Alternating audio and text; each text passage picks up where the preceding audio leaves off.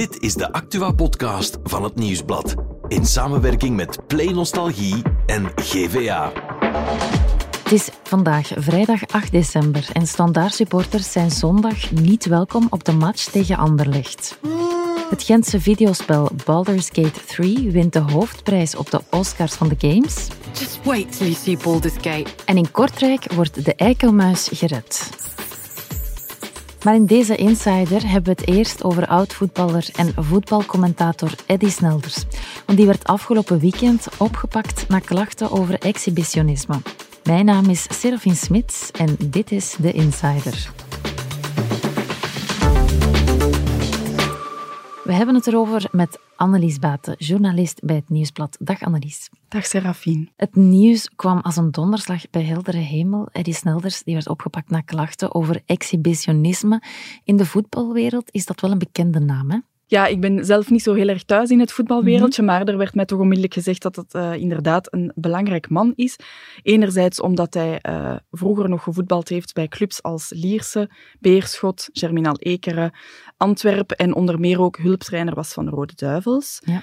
En daarnaast heeft hij eigenlijk ook een familiebedrijf in vastgoed, uh, waar dat hij niet per definitie uh, werkt, maar wel zijn familie. Het is uiteindelijk in dat familiebedrijf waar het allemaal gebeurd is. Wat moet ik me daarbij voorstellen? Ja, dat klopt. Dus uh, het familiebedrijf zelf, het vastgoedkantoor, bevindt zich aan de straatkant, dus zeg maar echt in de publieke ruimte. Ja. En dan heb je achteraan, achter het kantoor, nog een klein bijgebouw dat een beetje verder en discreter uh, verscholen zit achterin. En eigenlijk naast het gebouw zelf heb je ook nog gewoon rijwoningen met ook terrasjes um, die eigenlijk ook wel uitgeven op die achterbouw van het kantoor en die daar dus eigenlijk ook wel een beetje zicht op hebben. En die konden dan eigenlijk gewoon binnenkijken en zien wat daar allemaal gebeurde? Ja, en het is uiteindelijk zaterdag dat het dan allemaal een beetje ontspoord is. Inderdaad, dus uh, er is uiteindelijk een vrouw uh, naar de politie gestapt. Zij had eerder al klacht ingediend, uh, omdat ze wilde dat het stopte. En uh, dan is uh, Eddie Snelders opgepakt en verhoord door de politie. Ja, ze wilde dat het stopte, dus het was dan niet de eerste keer. Dat klopt. Uh, het zou gaan om een veertigtal feiten. Ja. De advocaat van Eddie Snelders betwist dat wel en zegt dat dat aantal schromelijk overdreven is. Maar um, feit is ook wel dat volgens getuigen de man ook zijn momenten nogal zorgvuldig wist uit te kiezen. Dus ja. hij handelde eigenlijk volgens een soort van vast stramien. Mm -hmm. Eigenlijk was het vaak in weekends of tijdens vakanties of uh, andere verlofdagen dat hij dan uh, naar het kantoor kwam. Um, ook rond 17 uur zoiets, om zeker te zijn dat, dat er, er, niemand, niemand meer zou zijn. Ja. Dus echt na de kantooruren, want mocht er dan toch iemand nog op die verlofdag komen werken, dan mm -hmm. was de kans al minder groot dat na vijf uur nog iemand zou zijn. En ja, dan verloopte het eigenlijk altijd volgens hetzelfde stramien. Dan ging hij de achtergebouw binnen en even later mm. um, ja, gebeurde het dan. Het was ook niet, allee, de buurvrouw was ook niet de enige die daar getuige van is geweest. Uh, want je hebt ook kunnen praten met een, met een andere buurman. Hè? Wat, uh, wat vertelde die? Ja, dus um, die heeft geen klacht ingediend, maar is wel verschillende keren getuige mm -hmm. geweest van die feiten. En zelf was die man daar eigenlijk enorm over gechoqueerd. Dus hij vertelde mij dat de eerste maal dat hij niets vermoedend gewoon achter, uh, achterin liep, want de, de garage en de parking van die rijhuisjes, die mm -hmm. ligt ook achterin en die grenst ook aan het bijgebouw.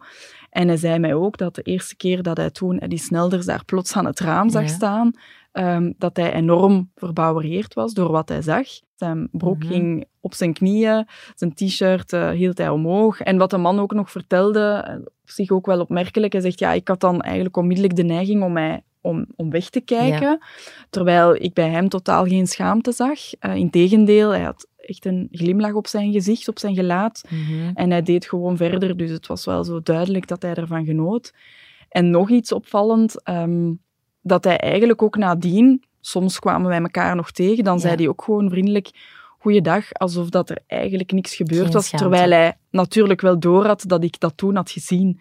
Maar het is zo niet dat hij zich dan plots zou gaan excuseren van oei, sorry. Die buurman heeft dan uiteindelijk geen klacht neergelegd. Het was de buurvrouw die besliste om, uh, om naar de politie te gaan. Maar eerst heeft ze nog geprobeerd om met Snelders in gesprek te gaan. Ja, inderdaad. Um, heeft ze hem op de hoogte gebracht dat ze een klacht zou gaan indienen? Of? Ja, ze wilden eigenlijk in een open gesprek gaan met Eddie Snelders mm -hmm. om hem te vragen van ja, wil je daar alsjeblieft mee ophouden?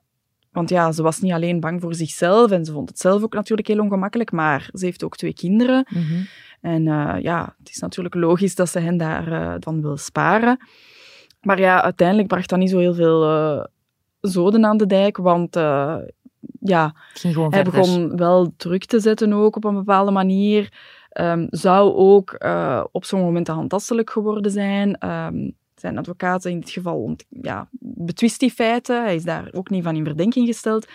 Maar alleszins, ja, daar wordt ook wel een en ander over gezegd dat hij dan plots ook wel wat verder durfde gaan. En, ehm, dus ja, waar zij op had gehoopt, ja, kwam er toch wel echt niet. Ja. En het ging gewoon verder. En opvallend ook, hij zou haar ook geld hebben overgeschreven, zodat ze niet naar de politie zou gaan. Hè? Ja, want op een bepaald moment had zij dat toch wel eens eh, opgeworpen, van dat ze Mhm. misschien wel geen andere keuze zou hebben. En toen voelde hij toch wel heel heet worden onder zijn voeten en eh, probeerde hij haar op een of andere manier toch wel af te kopen met centen. Over hoeveel geld gaat dat dan? Ja, wel, hij sprak tijdens gesprekken ehm, over 5000 tot bijna 50.000 euro. Maar ehm, uiteindelijk kreeg ze plots, want zij, ja, zij, zij had helemaal geen zin om daarmee akkoord te gaan natuurlijk. Mhm. Maar op een bepaalde dag zag zij plots 5000 euro op haar rekening, Mhm. afkomstig van ehm Eddie Snelder zelf. Ze wou dat eigenlijk niet, zich op die manier laten chanteren. Dus ze heeft eigenlijk de dag zelf dat bedrag nog teruggestort. Met de melding dat dat een, eh, dat een verkeerlijke overschrijving was, dat dat niet had... eh, Dat het niet had moeten gebeuren. En uiteindelijk is ze dan wel naar de politie gestapt. En afgelopen Ja. weekend is ze dan opgepakt. En hij heeft die, die feiten ook onmiddellijk toegegeven. Hè? Ja, ja, ja, dat klopt. We zijn eh Eddie Snelder zelf gaan opzoeken Mhm. aan zijn villa in Braschaat.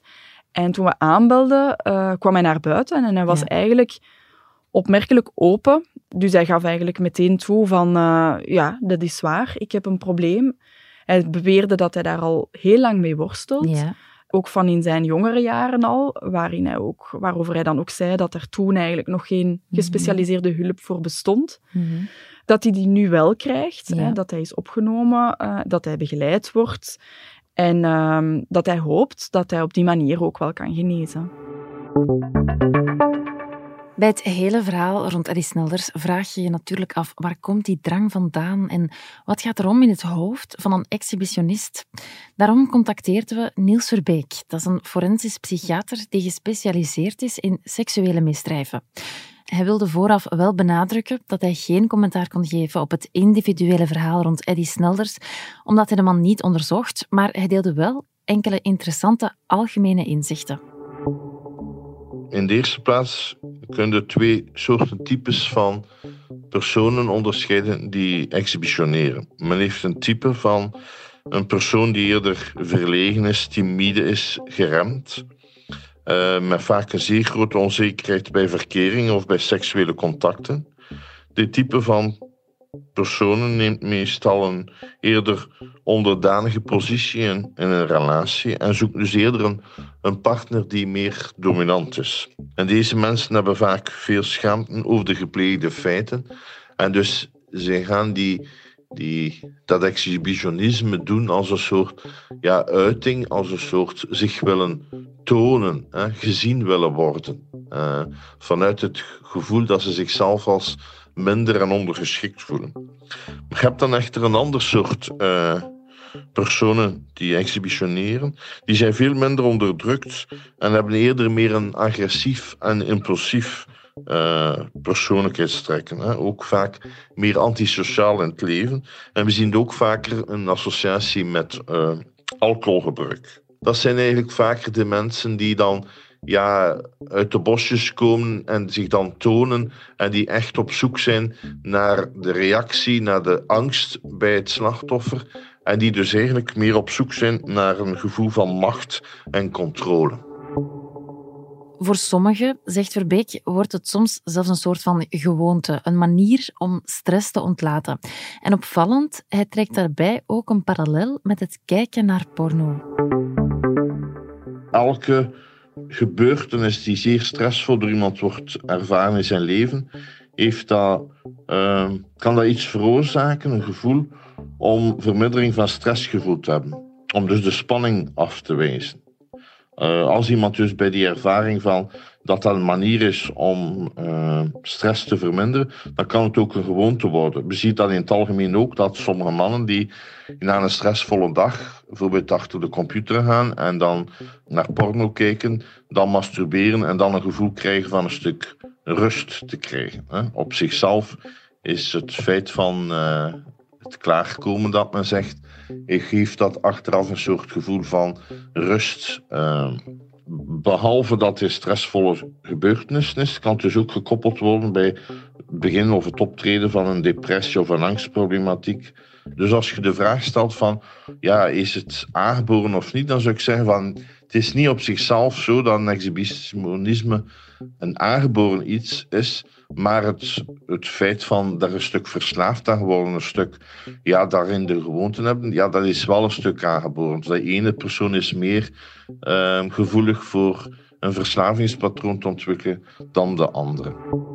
Door de komst van het internet en vooral door sociale media en smartphones is er trouwens ook een nieuwe vorm van exhibitionistisch gedrag ontstaan. En dan hebben we het over dickpics of over vrouwen die ongevraagd naaktfoto's doorsturen. En dan blijkt toch dat de mens op dat vlak niet heel veel verschilt van dieren. Ik moet ook zeggen, sinds de komst van het internet en dus het internetdating, um, zien we ook het probleem dat sommige mensen dus blijkbaar zeer snel grensoverschrijdend gedrag stellen. En dat is niet enkel makkelijker dat ze naar extremere beelden gaan, kijken en dus ook naar misbruikbeelden sommigen gaan kijken, maar dat sommigen gewoon ook zeer snel een geslacht of erotische beelden van zichzelf doorsturen. Soms hoor ik dat jongeren makkelijk deze beelden naar elkaar doorsturen, uh, alsof dat het normaal lijkt.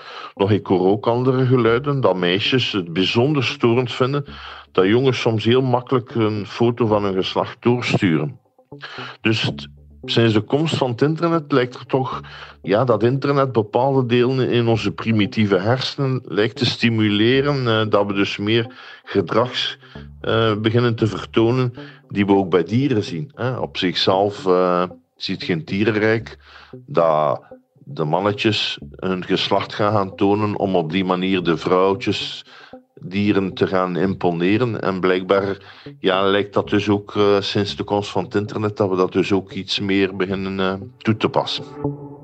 En als het dan over de slachtoffers gaat, die reageren vaak op verschillende manieren. Sommigen halen hun schouders op, anderen beginnen te lachen. Maar een deel van de mensen is gechoqueerd en voelt zich aangevallen. En dat begrijpen daders niet altijd goed. Dat merkt Niels Verbeek als forensisch psychiater ook.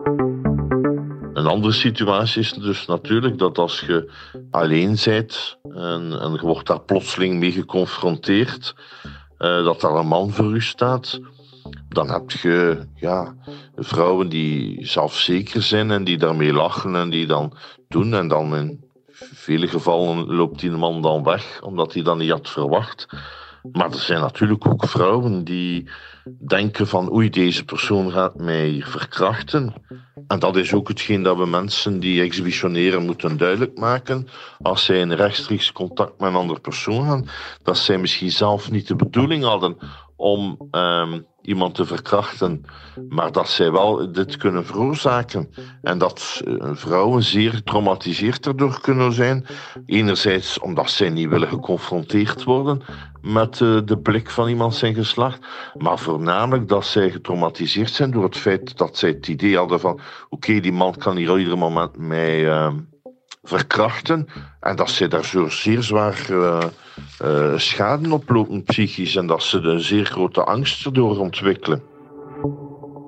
Exhibitionisme, dat is een zedenfeit, maar uh, ja, welke straffen staan daarop? Ja, eigenlijk um, in het strafwetboek wordt exhibitionisme ook als openbare schennis van goede zeden omschreven. Mm. En eigenlijk komt dat er um, in onze bewoordingen op neer dat je eigenlijk door gedrag of door een handeling de eer van iemand anders kwetst. Mm.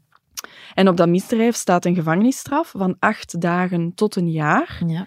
Met een geldboete van 26 tot maximum 500 euro. Mm. Nu, een kleine kanttekening. Wanneer het gaat over een minderjarige onder de 16 jaar, dan gaan de gevangenisstraffen liggen die hoger. Dan spreekt men van een maand tot drie jaar. Mm. En ook de geldboetes liggen hoger van 100 tot maximum 1000 ja. euro. Maar die minderjarige in dit verhaal is dat helemaal nog niet zeker. Nee, dat klopt. Dat zal ongetwijfeld nog verder onderzocht worden. Dus het is nog afwachten wat dat wordt. Maar hoe moet het nu verder met Eddie Snelders? Uh, gaan we hem nog horen of zien als uh, sportcommentator? Ja, ik vermoed dat hij toch een tijdje um, zich low profile zal houden. Ja.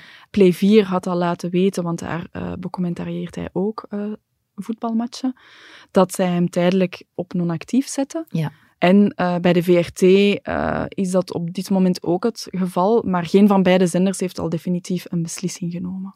En hij had zelf ook al aangegeven dat hij het sowieso wat rustiger aan wou doen, hè? Ja, ja, ja, ja. Hij uh, gaf in een eerder interview aan dat hij een beetje de eer aan zichzelf wilde Mhm. houden ook en eventjes wilde verdwijnen. En ja, dat dat sowieso al een beetje het het geval was, maar door wat er nu aan het licht gekomen is, dat dat waarschijnlijk het proces iets of wat zal versnellen. Oké, blijft dus vrij onwaarschijnlijk dat we Eddie Snelders nog zullen horen bij voetbalwedstrijden. Dankjewel Annelies om dat hier eventjes te komen uitleggen. Dat is graag gedaan. En voor het andere nieuws is onze producer Joni erbij komen zitten. Dag Joni. Dag Serafine. Ja, slecht nieuws voor de standaardfans, want die mogen zondag niet afzakken naar Anderlecht voor de competitiematch. Nee, gisteren was het de bekermatch tussen Anderlecht en Standaard en dat ging eigenlijk opnieuw mis. Mhm. Bij het ingaan van de 86e minuut werd de match stilgelegd, uh, omdat hooligans met zitjes, stoeltjes Ja. aan het gooien waren. En vanaf dat de match stil lag, ja, escaleerde het eigenlijk gewoon. Mhm. In beide vakken werden maskers aangetrokken of, of mutsen over hun hoofd getrokken en er werd met vuurwerk naar elkaar gegooid.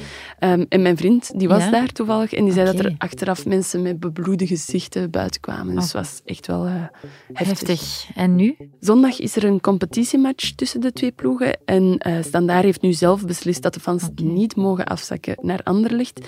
Eh, de komende dagen zullen ze de feiten verder bestuderen en dan zal er beslist worden over nieuwe maatregelen. Oké, wordt vervolgd dus. En dan in Los Angeles zijn vannacht de Game Awards uitgereikt. En de grote winnaar die komt uit ons land. Ja, de Game Awards zijn de belangrijkste prijzen in de gamewereld en Baldur's Gate 3 kreeg dus de titel van Game of the Year. Dat is een spel van het Gentse Larian Studios en die wonnen ze van andere genomineerden en dat zijn niet de minste. Marvel's Spider-Man 2, eh, The Legend of Zelda en de nieuwe Super Mario Bros. waren eigenlijk de tegenstanders. Eh, de videogame kon trouwens ook nog vijf andere nominaties verzilveren, dus ze mogen echt wel heel trots zijn op zichzelf. Ja, en wat voor een spel is die Baldur's Gate dan? Ik heb het zelf nog niet gespeeld, maar het zou een role-playing videogame zijn. Het spel is gebaseerd op een rollenspel van Dungeons and Dragons. En daardoor kan het spel onmogelijk uitgespeeld worden. Dus doordat er een oneindig aantal combinaties van verhaallijnen mogelijk is, zeggen ze, kan je het spel oneindig blijven spelen. Dus ze zijn echt wel terechte winnaars. En dan hebben we ook nog een lichtpuntje. Dat doen we hier elke dag in de aanloop naar kerst. En vandaag hebben we dat gevonden in Kortrijk. Ja, want dat is een van de laatste regio's waar we de eikelmuisjes nog kunnen vinden. Eikelmuizen hebben de bijnaam Zorro, eh, omdat ze een soort van zwart masker hebben. En nu heeft Kortrijk een actieplan om die bedreigde diersoort te redden. Oké, en wat kunnen mensen doen om die dieren te helpen? Een van de tips is je tuin wat rommeliger maken, Kan want ik. daar voelen die zich helemaal in hun sas. Ja. Ehm, maar de stad gaat ook zelf investeren in zogenaamde groene linten tussen verschillende muizenpopulaties. Ehm, wie mee wil helpen aan de eikelmuisredactie mag zich opgeven via stadlandschap west-vlaanderen.be. Voilà, dankjewel Joni. Graag gedaan. En maandag zijn we opnieuw met een nieuwe Insider. Dit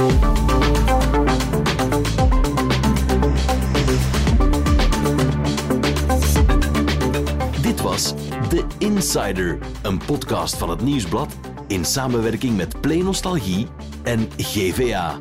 De muziek is van Pieter Santens. De montage gebeurde door House of Media.